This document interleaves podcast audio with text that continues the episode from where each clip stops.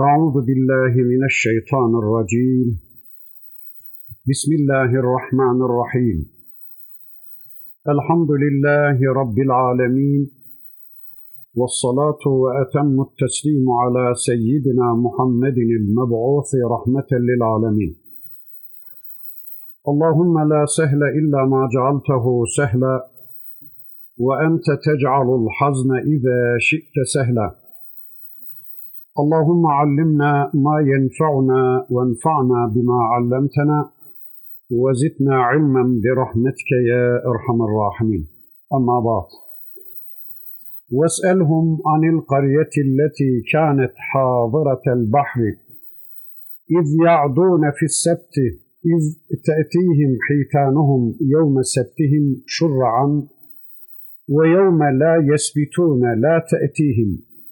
كذلك نبلوهم بما كانوا يفسقون إلى آخر الآيات صدق الله العظيم Muhterem müminler, birlikte Araf suresini tanımaya çalışıyorduk. Geçen haftaki dersimizde 163. ayeti kerimeye kadar gelmiş. O ayet üzerinde az biraz bir şeyler söylemiştik.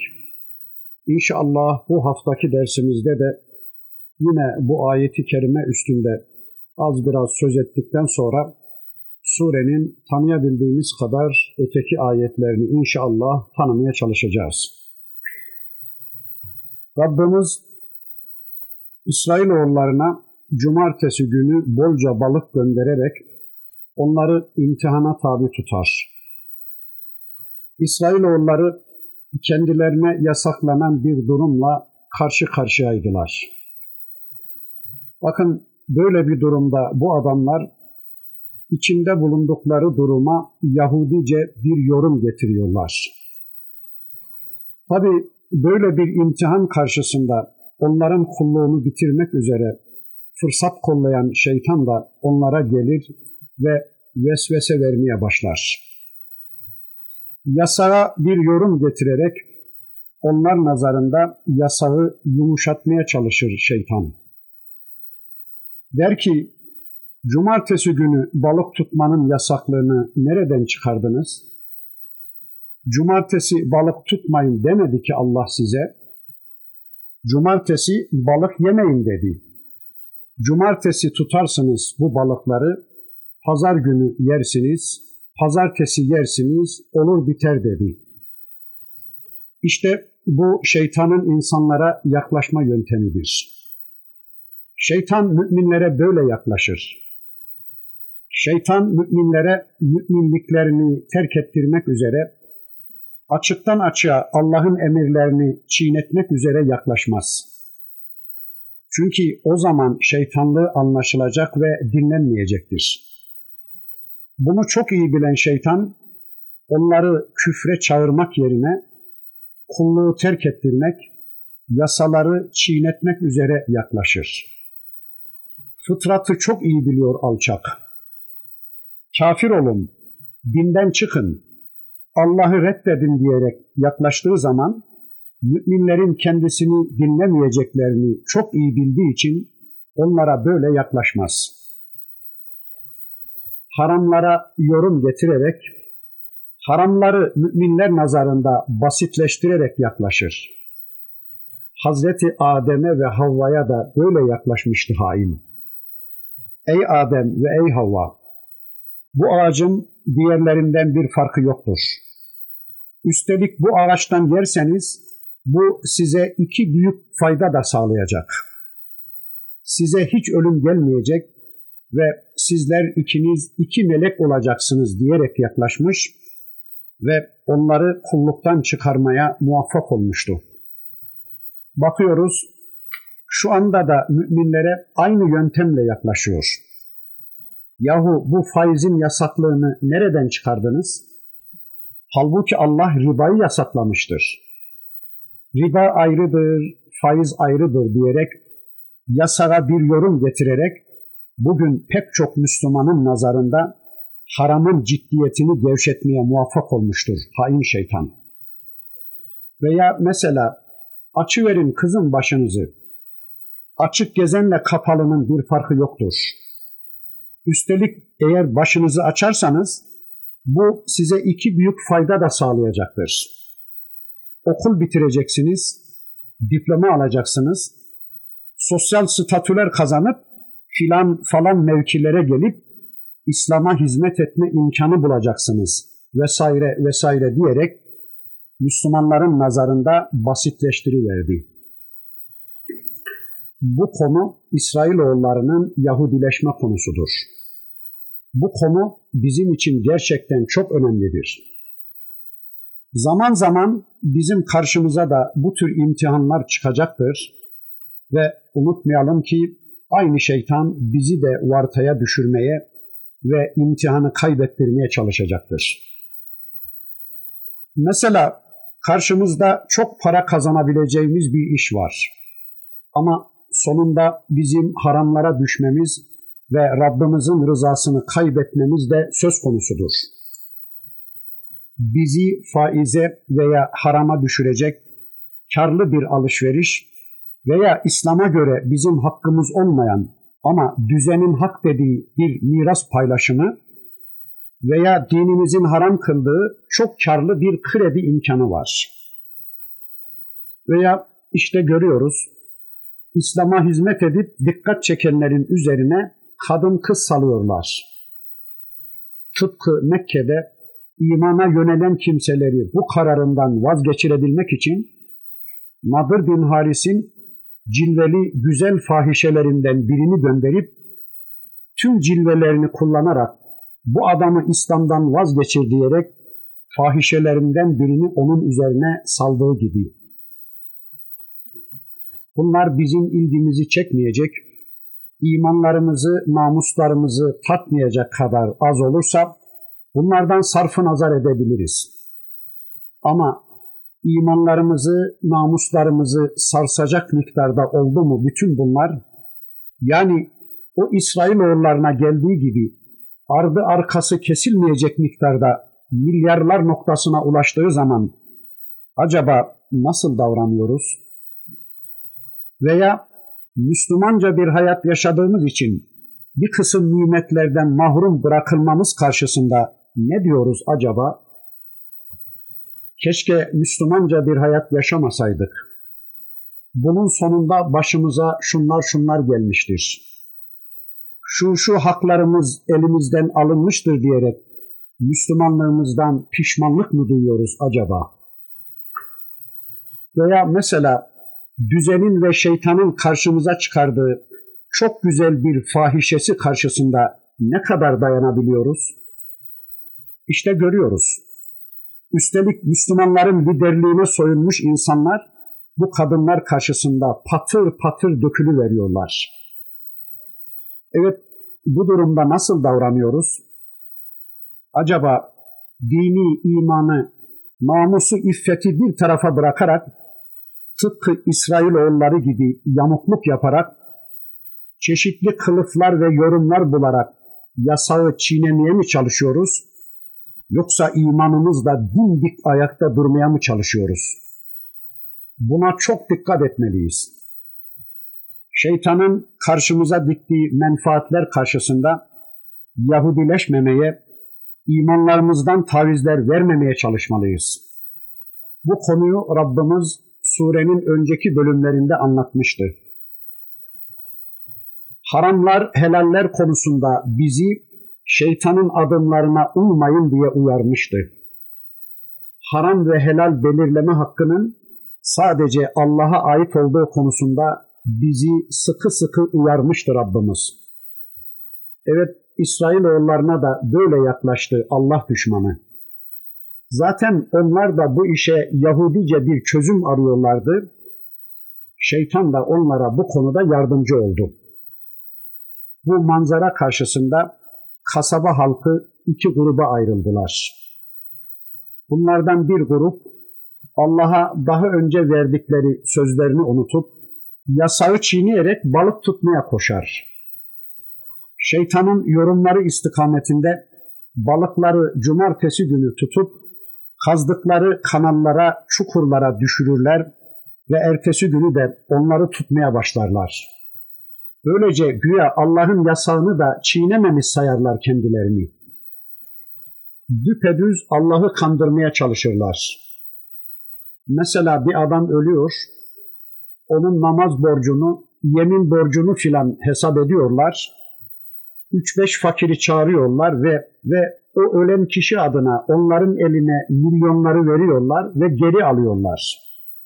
Böylece öleni affettirmeye çalışıyorlar. Bu düpedüz Allah'ı kandırmaya ve onunla alay etmeye çalışmadan başka bir şey değildir.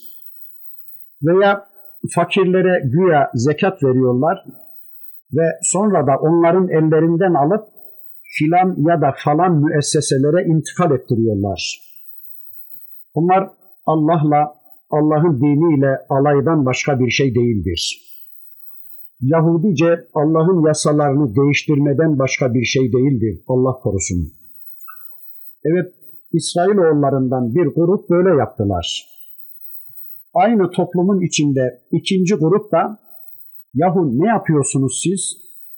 Hani cumartesi günü iş yapmayacağınıza dair Allah'a söz vermiştiniz. Yapmayın, etmeyin. Bu yaptığınız yanlıştır. Allah'ın yasalarını çiğniyorsunuz. Allah'a verdiğiniz sözlerinizi bozuyorsunuz. Üzerinize azap yağacak, gazap gelecek diyerek günaha giden insanları uyarmaya çalışanlar. Yani Müslümanlık özelliklerini koruyarak günahkarlarla mücadeleye tutuşan, Allah'ın hukukunu korumaya çalışan, Allah'ın istediği biçimde emri bil maruf ve nehy anil münker görevlerini yerine getirenler. Bir süre bu iki grup arasında çatışma devam etti. Hatta rivayetlere göre bu ikinci Müslüman grup, onların işledikleri bu manelerden ötürü Allah'ın gazabından korktukları için kendi evleriyle bu günahkarların evleri arasına bir set bile çekerek korunmaya çalıştılar. Ama zaman uzayınca ve günaha gidenler uyaranları dinlemez hale gelince bu uyaranlar da kendi aralarında ikiye ayrılıverdiler. Bir grup diyor ki bizim vazifemiz bitmiştir artık. 50 kere uyardık, 100 kere uyardık. Bunların adam olmaları geçmiştir artık. Allah bunların kalplerine mührünü basmış, bunlar kesinlikle adam olmayacaklar diyerek evlerine çekiliverenler. Öteki grup da baştaki heyecanlarından hiçbir şey kaybetmeden günaha gidenleri uyarmaya devam edenler.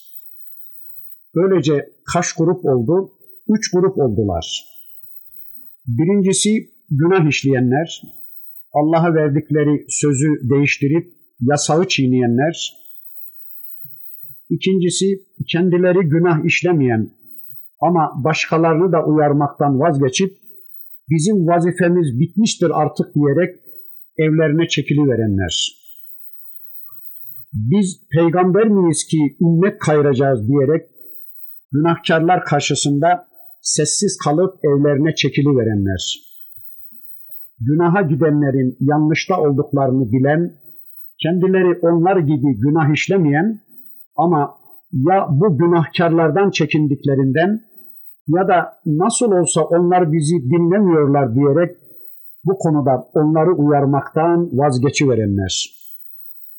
Üçüncüsü, ne pahasına olursa olsun günahkarlara engel olmaya, onları uyarmaya devam edenler. Yapmayın, etmeyin, haramdır, günahtır diye çırpınmaya devam edenler.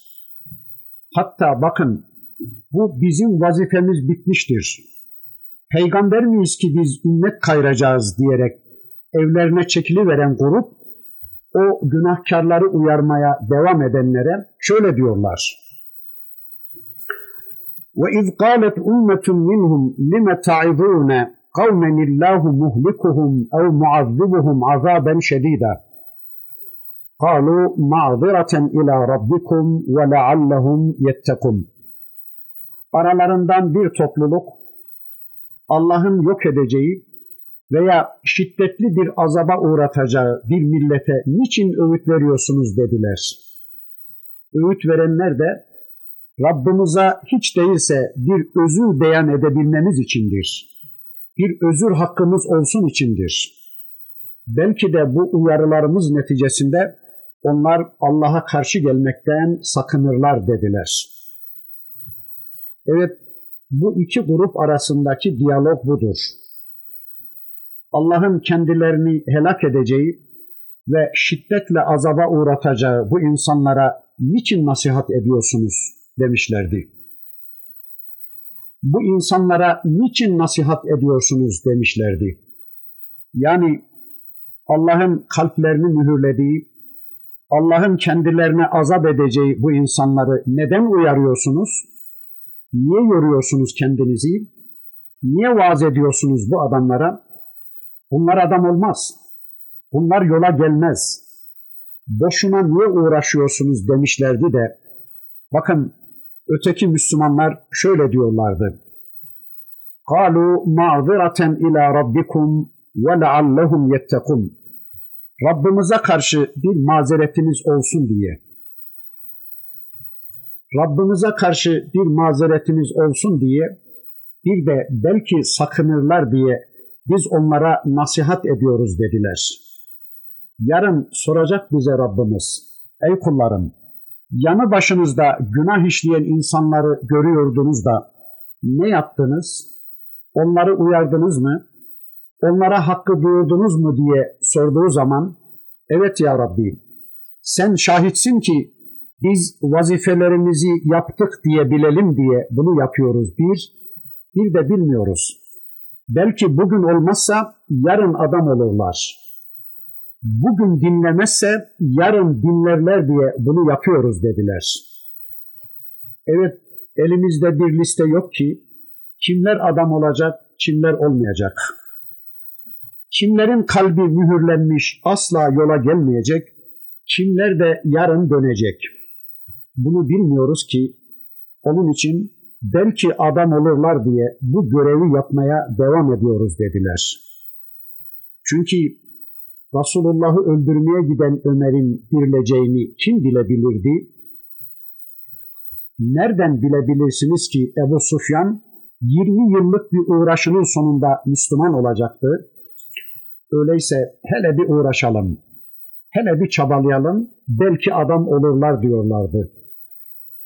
Biz uğraşalım, belki de en zalim, en kafir insanların içinden samimi Müslümanlar çıkacaktır diyorlardı. Bir de diyorlardı ki uğraştık uğraştık farz edelim ki sonunda bunlar adam olmazlarsa bile biz kendimiz adam oluruz. Bugün yahu bırakıverin bu vaaz nasihati. Senden başka adam yok mu diyenlere bizler de bunu söylemek zorundayız.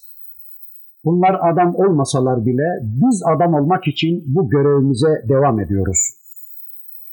Çünkü eğer bir toplum içinde kötülükler işleniyorsa, zulümler, günahlar, ahlaksızlıklar işleniyorsa, unutmayalım ki sadece o toplum içindeki günahkarları değil, toplumun öteki üyelerini de hesaba çekecektir Rabbimiz. Birilerine niye bu günahları irtikab ettiniz diye ötekilere de niye bu insanları uyarmadınız? Neden onlara Allah'ın ayetlerini duyurmadınız? Neden onları İslam'la tanıştırmadınız? Neden onlara cenneti ve cehennemi anlatmadınız diye hesap sorulacaktır. Rabbimizin bu suali ve sorgulaması karşısında Ya Rabbi sen şahitsin ki ben bana düşeni yapmıştım. Ben elimden geldiği kadar bu insanları uyarmıştım. Becerebildiğim kadarıyla bu insanlara senin kitabını duyurmuştum diyebilecek bir duruma gelmek zorundayız. Yani Rabbimiz huzurunda mazur hale gelmek zorundayız.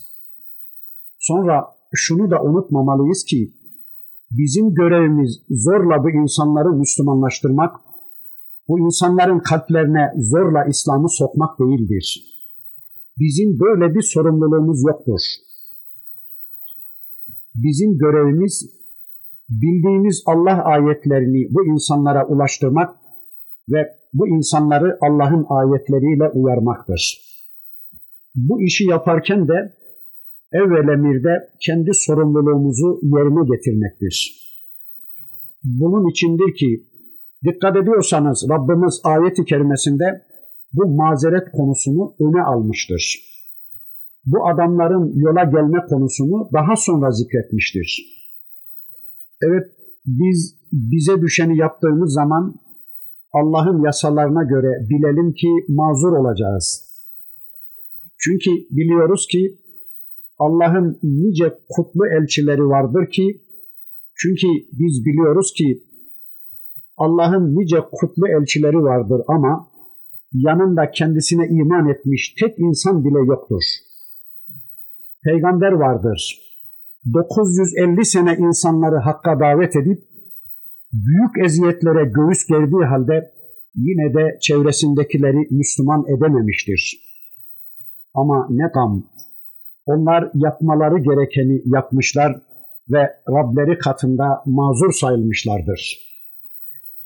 فَلَمَّا نَسُوا مَا ذُكِّرُوا بِهِ اَنْجَيْنَا الَّذ۪ينَ يَنْهَوْنَ عَنُ السُّوءِ وَأَخَذْنَا الَّذ۪ينَ ظَلَمُوا بِعَذَابٍ بَئِيسٍ بِمَا كَانُوا يَفْسُقُونَ Kendilerine yapılan öğütleri unutunca biz fenalıktan men edenleri, emri bil maruf ve nehy anil münker yapanları kurtardık ve zalimleri Allah'a karşı gelmelerinden ötürü şiddetli bir azaba uğrattık. Evet onlar o günahkarlar kendilerini uyaranların uyarılarına aldırış etmez olunca kendilerine vaaz etmek için emek tüketenlerin sözlerini kulak ardı edince biz uyaranları kurtardık ve zalimleri de çok şiddet bir azapla yakalayıverdik diyor Rabbimiz. Azgınlıkları sebebiyle haddi aşmaları, Allah'ın yasalarını çiğnemeleri, kendilerini Allah'a kulluk ortamından çıkarıp isyan etmeleri sebebiyle onları çok şiddet bir azapla yakalayıverdik. Peki neyle yakalamış Allah onları? Nasıl bir azap gelmiş onlara? Bakın bundan sonraki ayeti kerimesinde Rabbimiz onu da şöylece ortaya koyuyor. Felemma atev amma nuhu anhu kulna lehum kunu kıradeten hasiin. Kendilerine edilen yasakları aşınca onlara aşağılık birer maymun olun dedik. Onlara hor hakir, aşağılık maymunlar olun dedik. Evet Allah bu zalimlere maymunlar olun buyurmuş ve onlar da maymunlar olmuşlar. Bu adamların nasıl maymunlaştıkları, sireta birer maymun mu yoksa surete maymunlar mı olmuşlar? Bu konuda gerek Kur'an-ı Kerim'de, bu konuda gerek Kur'an-ı Kerim'de, gerek Resulullah'ın sünnetinde detaylı bir bilgi bize intikal etmemiştir. Ama Rabbimizin ifadesinden anlıyoruz ki bu adamlar maymunlar olmuştur. Tabi maymunun aslında hayvan olarak bir aşağılığı ve sorumluluğu yoktur.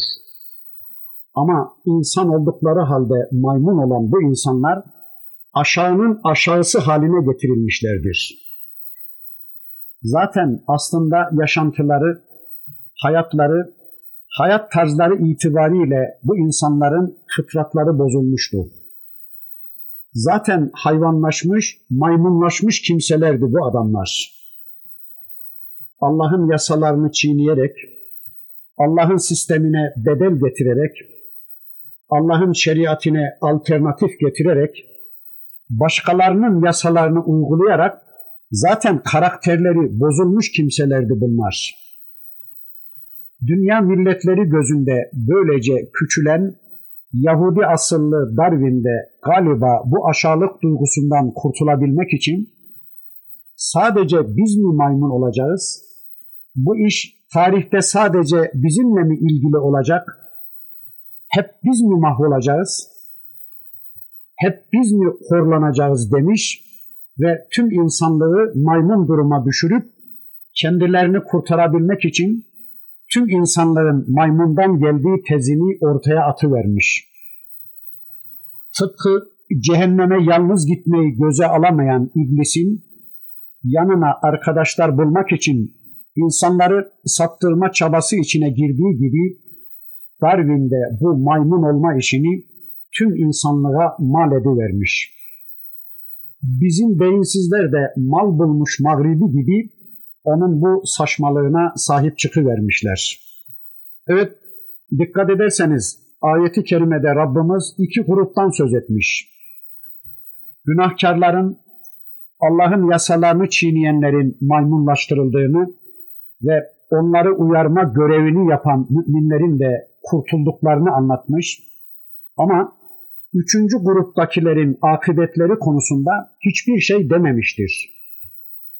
Yani günahkarlara karşı uyarı görevi yapmayıp evlerine çekiliveren, bizi sokmayan yılan bin yıl yaşasın mantığında olanların ne oldukları anlatılmamıştır. Bu adamlar ya ötekiler gibi dünyada cezalandırılmış ya da cezaları kıyamet gününe ertelenmiştir. Ya da Rabbimiz bu insanların zikriyle kitabını kirletmek istememiştir. Bahse bile değer görmemiştir onları.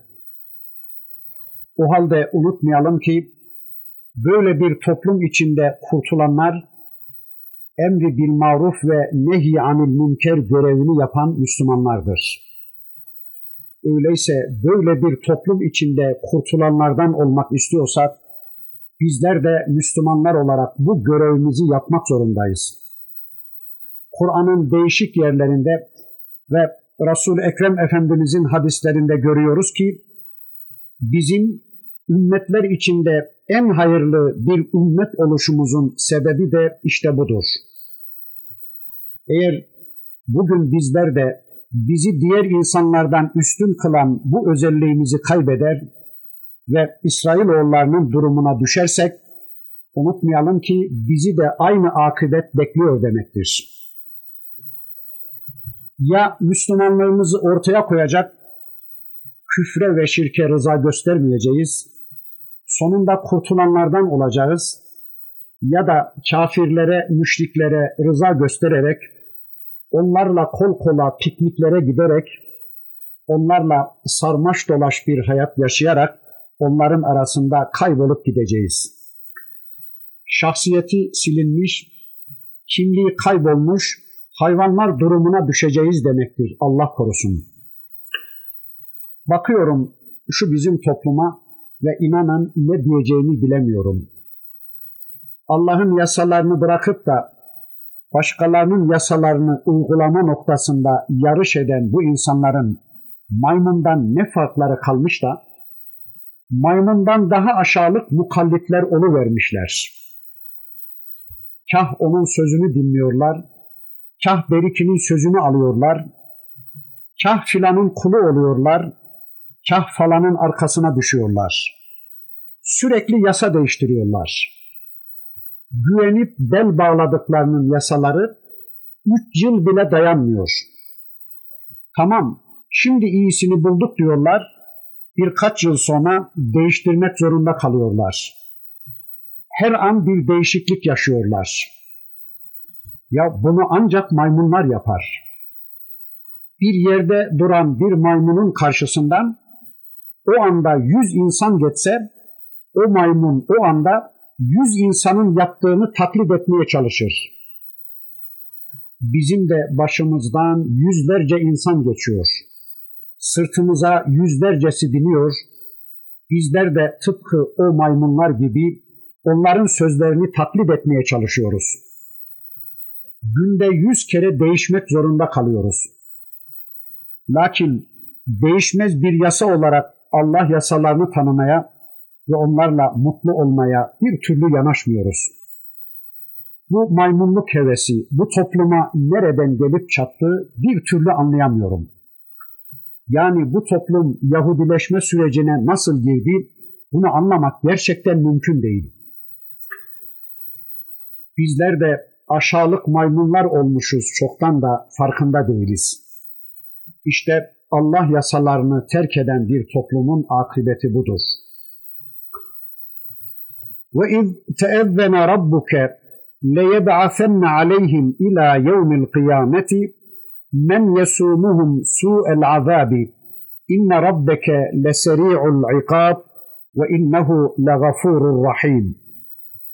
Rabbin kıyamet gününe kadar onları kötü azaba uğratacak kimseleri üzerlerine göndereceğini bildirmişti. Doğrusu Rabbin cezayı çabuk verir. Doğrusu o bağışlar ve merhamet eder. Evet, Allah yasalarını tanımaya, onlarla hayatlarını düzenlemeye yanaşmayan insanlara kıyamete kadar Rabbimiz kendilerine azapların en kötüsünü tattıracak kimseleri musallat edeceğini, kıyamete kadar onların üzerlerine bu tip insanları göndereceğini haber veriyor. Allah'la çatışmaya giren insanlar kim olurlarsa olsunlar, ne olurlarsa olsunlar, ister Yahudi olsunlar, ister Hristiyan, isterse Müslüman olsunlar fark etmez. Aynı duruma düşmüş insanlara Rabbimiz azabın en kötüsünü reva görecek kimseleri musallat edecektir. Onlara zulmedecek, onları ezecek, onlara haddini bildirecek, onların burunlarını yere sürtecek kimseleri gönderecektir Rabbimiz. Evet diyor ki Rabbimiz hani Rabbim ilan etmişti. Her anda ilan edilmektedir. Zaten bu ayetler, bu yasalar Kur'an içinde gelmekle kıyamete kadar bunu tüm insanlara Rabbimizin ilan buyurduğu anlaşılmaktadır. Ama elbette ki ancak bu kitabı okuyanlar, bu kitapla ilgi kuranlar bu ilandan haberdar olabileceklerdir. Değilse Allah'ın bu son kitabından habersiz yaşayanlar bu ilandan mahrum olacaklardır. Kıyamete kadar o kötülere, o kitaplarının emirlerini yerine getirmeyen, kitaplarındaki Allah yasalarını değiştiren, Allah yasalarını çiğneyen insanlara kötüleri musallat kılacağım diyor Rabbimiz. Hem de tekit üstüne tekitle haber veriyor bunu. Ayeti kerimedeki lam da, nun da birer tekit ifadesidir. İnsanların bu konuya dikkatleri çekilsin diye Rabbimiz yemin ve tekitlerle bu konuyu ortaya koyuyor yemin ve tekitlerle bu konuyu ortaya koyuyor. Rabbimiz bu ifadelerle buyuruyor ki ey insanlar kesinlikle bilesiniz ki bu yasalardan kurtuluş yoktur. Hiçbir güç, hiçbir kuvvet Allah'ın bu yasalarına engel olamaz. Kıyamete kadar Allah'ın bu yasaları geçerlidir. Allah'a karşı gelenlere Allah'ın göndereceği bu kullar onlara azapların en kötüsünü peyleyecek ve onlardan intikam alacaktır. İşte bu Yahudilerin tarihleri gözümüzün önündedir. Hazreti Davut ve Süleyman aleyhisselamdan sonra hemen hemen tüm tarihleri yıkımla geçmiştir. Tarihin her bir döneminde bunların üzerlerine bu acı azabın insanlar eliyle geldiğini görüyoruz. Bu adamlar önce İsrailoğulları, Yakup çocukları olma özelliklerini kaybetmişler. Allah'ın şerefli kulları olma özelliğini yitirmişler. Her bir dönemde Allah da onların başlarına birilerini musallat etmiş ve sürekli aşağılanmaya ve rezil bir hayat yaşamaya mahkum etmiştir onları. Bazen Müslümanlar eliyle Rabbimiz onlar üzerinde bu yasasını gerçekleştirmiş, bazen de başkaları eliyle bu yasanın onlar üzerinde gerçekleşmesini sağlamıştır. Her asırda bunlara ayrı bir devleti musallat etmiş, kimi zaman kılıçtan geçirilmişler, kimi zaman sürgüne maruz kalmışlar, kimi zaman zillet ve meskeneti yudumlamışlar bir dönem Buhtun Nasır'ı, bir dönem Babil kralını, başka bir dönem Romalıları, başka bir dönem İran'ı onlara musallat etmiş, tarih boyunca hiçbir zaman rahat bir nefes alma imkanı bulamamışlardır. Şu anda da başka bir belayı bekliyorlar ve asla oturdukları yerlerde rahat değiller. Güya Filistin'de galip gibi görünseler de iğneli döşeklerde yatıp kalkmaktadırlar. Evlerinin altı köstebek yuvası gibi dehlizlerle doludur. Günün birinde kanlarını emdikleri, kemiklerini kırdıkları insanlar üzerlerine yürüyecek de kaçacağız diye uyku durak bilmeden bir hayat yaşamaktadırlar. Elbette Allah'la çatışma içine giren bir toplumun akıbeti işte böyle olacaktır. وَقَطَّعْنَاهُمْ فِي الْأَرْضِ أُمَمًا مِنْهُمُ الصَّالِحُونَ وَمِنْهُمْ دُونَ ذَلِكَ وَبَلَوْنَاهُمْ بِالْحَسَنَاتِ وَالسَّيِّئَاتِ لَعَلَّهُمْ يَرْجِعُونَ Biz onları yeryüzünde iyiler ve aşağılıklar olarak bölük bölük ayırdık. Belki iyiliğe dönerler diye onları güzellikler ve kötülüklerle sınadık. Bir de biz onları yeryüzünde ümmetlere böldük. Grup grup, hizip hizip, bölük bölük yaptık onları. Davut ve Süleyman aleyhisselamlar döneminde yeryüzünde izzetin zirvesini yaşayan bu insanlar, yeryüzünde İslam sancağını taşımaya layık oldukları için Allah'ın en büyük ikramlarına ulaşan bu insanlar, daha sonra kitaplarına karşı takındıkları bu bozuk düzen tavırlarından ötürü Allah'ın yasaları gereği yeryüzünde dağılıyorlar, parçalanıyorlar, parça parça hale geliyorlar. Her bireri değişik birer siyasi otoritenin altında yaşamak zorunda kalıyorlar. Dünyanın her tarafına dağılıyorlar. Değişik değişik gruplar halinde yeryüzünün her tarafına dağılıyorlar ve kendilerinden olmayan insanların egemenliği altında bir hayatın mahkumu olmak zorunda kalıyorlar. Elbette İslam'dan Allah yasalarından uzaklaşan bir toplumun akıbeti budur. İslam'dan uzaklaşan toplum parça parça olmak, bölük bölük olmak zorundadır. Çünkü İslam düzeninde, İslam toplumunda olduğu gibi hepsinin ortaklaşa kabul ettikleri, hepsinin birlikte başvurdukları tek bir ölçü yoktur hayatlarında. Tüm kullarını aynı ölçüde ve aynı değerde kabul eden yaratıcı bir Rab tarafından konulmuş ve toplumda herkesin iman edip uymak zorunda olduğu değişmez kurallar yoktur onların hayatlarında. Yani toplumda herkesin emrine boyun eğeceği, herkesin arzularına teslim olacağı bir ilahları yoktur onların. Aksine çok çeşitli ilahları, çok fazla Rableri vardır onların.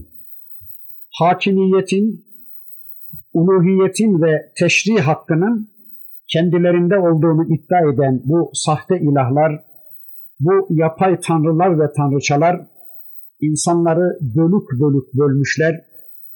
Her bir bölüğü kendi peşlerine takmışlar. Birbirleriyle savaştırmaktadırlar. İşte böyle bölük bölük olan Müslümanlar birbirlerini yemekle meşguller. Onlar birbirlerini yemekle meşgul olunca da düzen yaşama imkanı buluyor ve böylece bir oyun devam edip gidiyor. Evet, bu tür demokratik toplumlarda insanlar bölük bölüktür. Kimileri Rab, kimileri kul, kimileri kanun koyucu, kimileri bunlara itaat edici, kimileri idare edici, kimileri idare edilen böyle Rabler ve kullar haline gelmişlerdir. İşte böyle hepsi de insan oldukları halde, hepsi de kul oldukları halde, hepsi de birbirlerinden farksız, aciz varlıklar oldukları halde, kimilerinin Rab, kimilerinin kul konumunda olmaları, toplumda fertlerin birbirlerine karşı kin, nefret, düşmanlık ve haset duyguları devam edip gitmektedir. Bir grup diğerine hükmetmekte, bir grup diğerini ezmekte, bir grup sürekli diğer bir grubun acısını tatmakta, biri diğeri yüzünden azap çekmektedir. Elbette Allah'ın kitabını terk edip kendi heva ve heveslerine tabi olan bir toplumun sonu işte böyle olacaktır. Ama bakın Allah diyor ki biz elbette ki onları iyiliklerle de kötülüklerle de denedik. Onlara zaman zaman iyilikler ve kötülükler göndererek onları biledik. Sık sık imtihanlardan geçirdik onları belki kitaplarına dönerler diye. Belki akıllarını başlarına alırlar da Rablerine kulluğa dönerler diye. Bakın şu anda bizler de parça parçayız. Bizler de şu anda bölük pörçük olmuşuz. Ümmet olarak parçalanmamız bir yana, aynı ülkede hatta aynı şehirde yaşayanlar olarak bile parça parça olmuşuz. Bu parçalardan kimilerine iyilikler, kimilerine de şu anda kötülükler gelmektedir. Bir bölgede oturan Müslümanlar kendi durumlarının iyiliğine bakarak biz daha iyiyiz diyerek öteki kardeşlerini unutacak bir duruma gelmişlerdir. Halbuki bu durumda bizim yapmamız gereken şudur. Bizden daha kötü durumda olan coğrafyalardaki kardeşlerimizin yardımına koşmak zorundayız. Kendi coğrafyamızdaki kardeşlerimizin daha iyi Müslüman olmaları, öteki coğrafyalardaki kardeşlerimizin durumlarının da en az bizim seviyemize gelmeleri için elimizden geleni yapmaya koşmamız gerekmektedir. Minhumus salihune ve minhum dune zalik ve belevnahum bil hasenati ve seyyiati leallehum yerciun. Bunların içinden salihler de çıkmış. Allah'ın kitabına, Allah'ın dinine sahip çıkan ve hayat programı olarak onların uygulanması gerektiğine inanmış ve bu uğurda mücadelelerini sürdürenler de çıkmış. Bir kısmı da az salihlerden olmuş. İnanmış ama bu imanlarını gündeme getirecek kadar salah ehli olamamışlar. Dilleriyle Allah'ın yasalarına iman ettiklerini söylemişler ama hayatlarıyla hayatlarıyla içinde bulundukları toplumun anlayışına karşı çıkamamış insanlar da çıkmış onların içinden. Ve işte böylece biz onları çeşitli dönemlerde tüm insanlığa yaptığımız gibi bazen iyilikler göndererek, bazen kötülükler göndererek imtihanlara tabi tuttuk. Bu gönderilenler sayesinde belki dönerler, Rablerine kulluk yaparlar diye. Ama فَخَلَفَ مِنْ بَعْدِهِمْ خَلْفٌ وَرِثُوا الْكِتَابَ يَأْخُذُونَ عَرَضَ هَذَا الْأَدْنَى وَيَقُولُونَ سَيُغْفَرُ لَنَا وَاِنْ يَأْتِهِمْ عَرَضٌ مِثْلُهُمْ يَأْخُذُوهُ elem yu'khaz aleyhim mithaqul kitab. En la yekulu alallahi illel hak. Ve darasu ma fihi ve daral ahiretu hayrun lillezine yettekûn. Efela taqilun. Onların arkalarından yerlerine gelen bir takım kötüler kitaba mirasçı oldular. Biz nasıl olsa affedileceğiz diyerek kitabın hükümlerini değiştirme karşılığı bu değersiz dünyanın mallarını alırlar. Yine ona benzer geçici bir şey kendilerine gelince onu da kabul ederlerdi. Onlardan Allah'a karşı ancak gerçeği söyleyeceklerine dair kitap üzerine söz alınmamış mıydı? kitapta onları okumamışlar mıydı? Allah'a karşı gelmekten sakınanlar için ahiret yurdu daha hayırlıdır.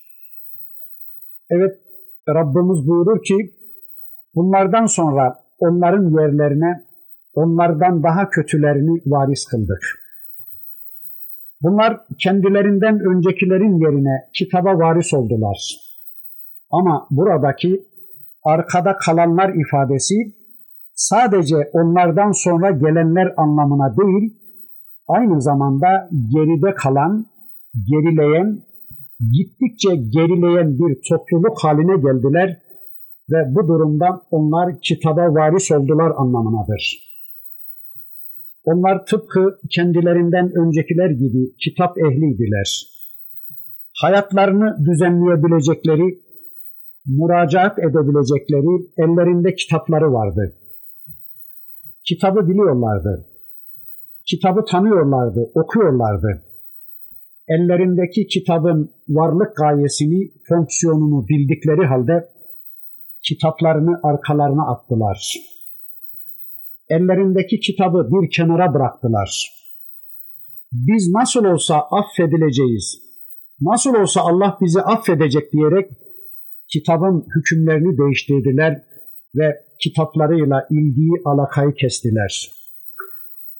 Çok kötü bir konumda olmalarına rağmen Allah'ın rahmetine bel bağladılar. Halbuki ancak Müslümanca bir hayat yaşayan insanların Allah'ın rahmetine ümit bağlamaları mümkündü. Böyle insanların rahmete bel bağlamaları caizdi. Kitaplarını okuyorlar, kitabın emirlerini yaşamaya çalışıyorlar, peygamberlerinin sünnetiyle ilgi kurup onu anlamaya ve yaşamaya çalışıyorlarken ufak tefek kusurları konusunda Allah'ın rahmetine bel bağlamaları şer'idir. Ama bir topluluk düşünün ki kitaplarından habersiz yaşıyor. Kitaplarıyla ilgi kesmişler. Kitaplarının içindekilerle amel etmeye çalışmıyor. Allah'ın sınırlarını çiğneyerek elde edeceklerini elde etmeye çalışıyor ve de diyor ki nasıl olsa bizler Müslümanız ve bize mağfiret edilecektir. Nasıl olsa bizler Müslüman bir anadan babadan doğduk. Allah bize elbette mağfiret edecektir diyor. İşte bu gerçekten çok kötü bir durumdur. Hem kitaplarını arkalarına atıyorlar hem de Allah'ın mağfiretini umuyorlar. Kitabın arkaya atılması demek, kitabın önüne başka şeylerin geçirilmesi demektir. Kitabın önüne başkalarının kitaplarını veya kendi düşüncelerini, şahsi kanaatlerini onun önüne almak anlamına gelmektedir. Ya da kitaptan yüz çevirmek, kitapla ilgiyi, alakayı kesmek, hayat programını kitaba danışmadan hazırlamak, böyle bir kitap var mı yok mu bundan habersiz yaşamak anlamına gelmektedir.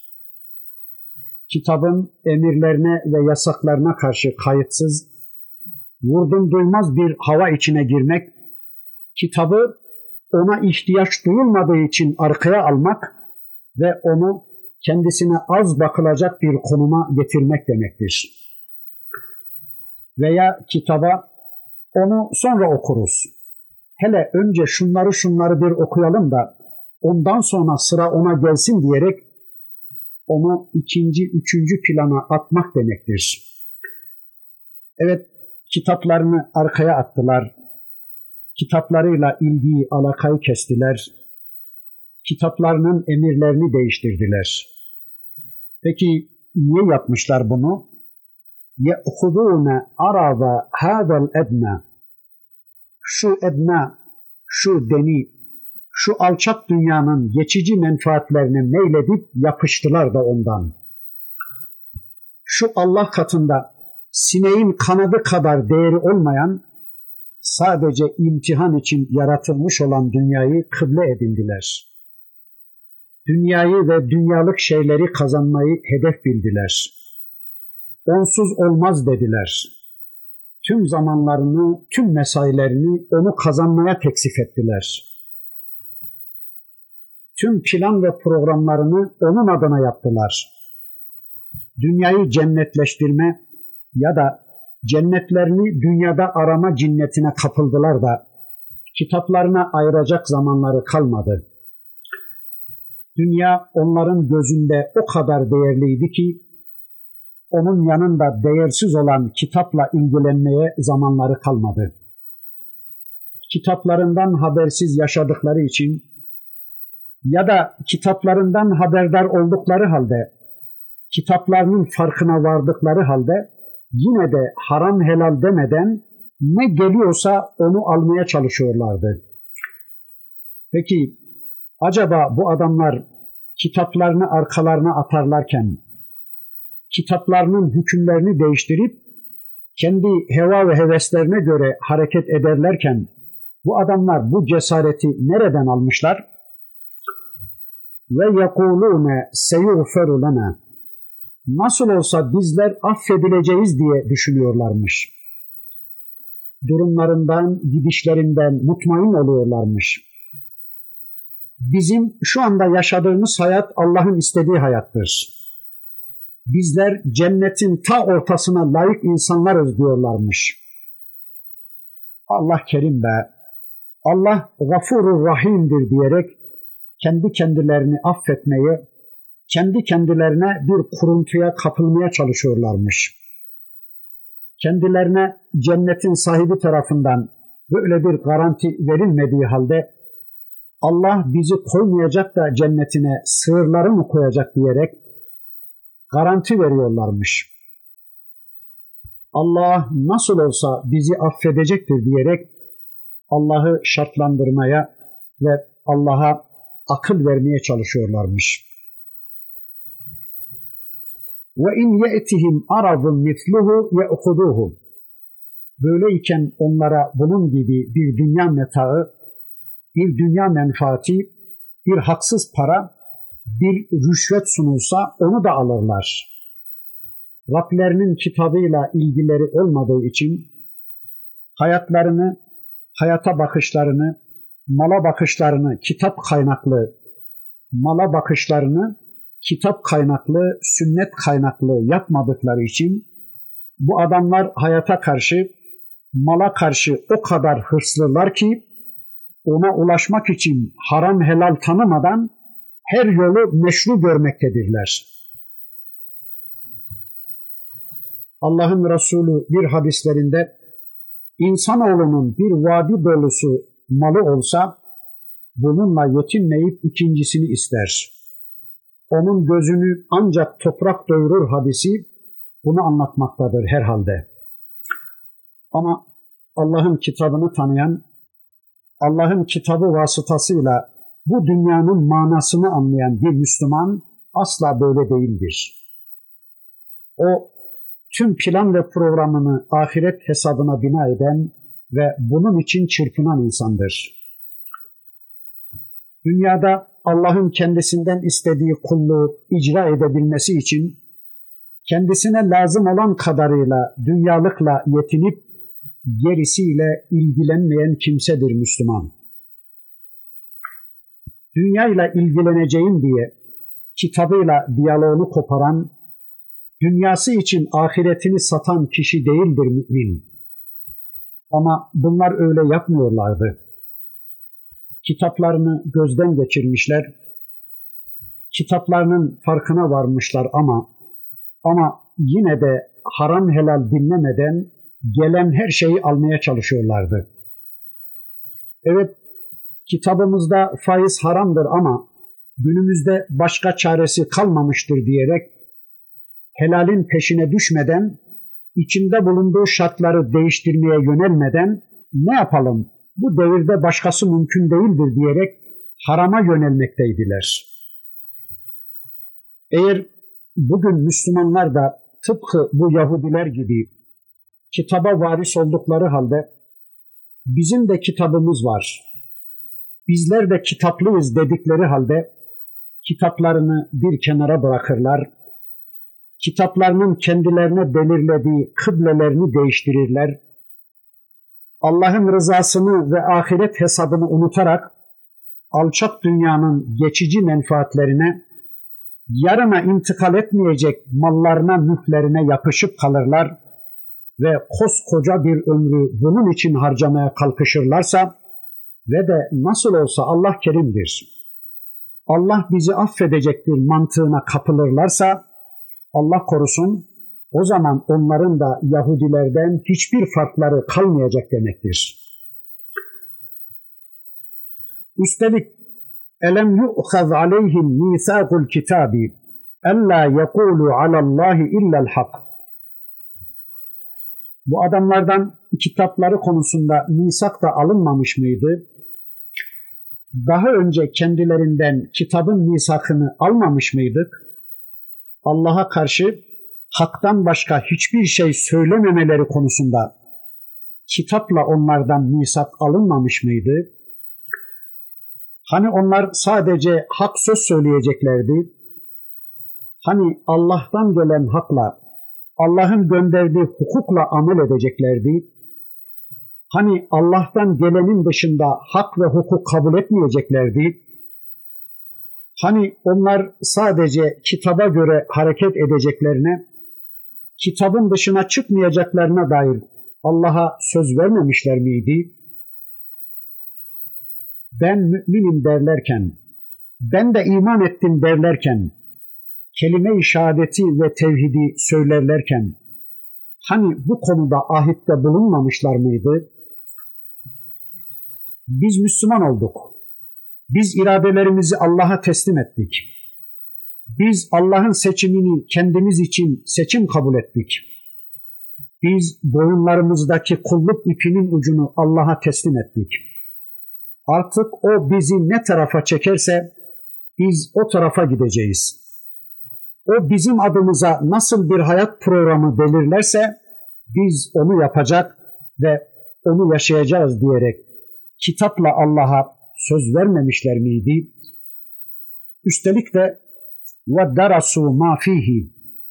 Bu adamlar kitabın dersini de biliyorlardı. Kitabın dirasetinden, kitabın içindeki Allah'ın emir ve yasaklarından da haberleri vardı. Allah'ın kitabı kendilerine duyuruluyordu. Kitaba yabancı değillerdi. Ama buna rağmen, kitapla tanışık olmalarına rağmen, kitaplarının kendilerinden nasıl bir hayat programı istediğini bildikleri halde, kitaplarını her gün okudukları halde yine de bu adamlar değişmiyorlar. Kitap kendilerini ha uyarmış, ha uyarmamış fark etmez yaşıyorlar. Kitap ne derse desin yine onlar bildiklerini okumaya devam ediyorlar Bildikleri, tanıdıkları, duydukları, okudukları kitabın ayetleri onların hayatlarını değiştirmiyor. Kitaba rağmen kendilerine hayat programı yapıyorlar. Kitabın uyarılarına rağmen yine dünyanın peşine takılıp dünyalık menfaatler kazanacağız diye bir ömür çırpınıp duruyorlar. Ama unutmayın ki وَالدَّارُ الْآخِرَةُ hayrun lillezine yettekun efela takilun.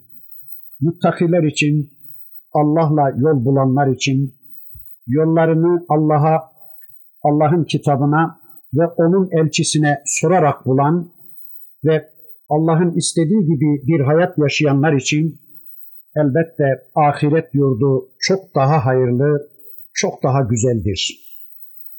Bunu akletmiyor musunuz? Hala akıllarınızı kullanmayacak mısınız diyor Rabbimiz. Bundan sonra yine bu konuyla alakalı ayetler devam edecek. Ama vaktimiz doldu. İnşallah bu hafta da burada kalalım. Surenin öteki ayetlerini tanımak için önümüzdeki hafta tekrar bir araya gelmek üzere Allah'a emanet olun. Subhaneke Allahumma ve bihamdik. أشهد أن لا إله إلا أنت أستغفرك وأتوب إليك والحمد لله رب العالمين.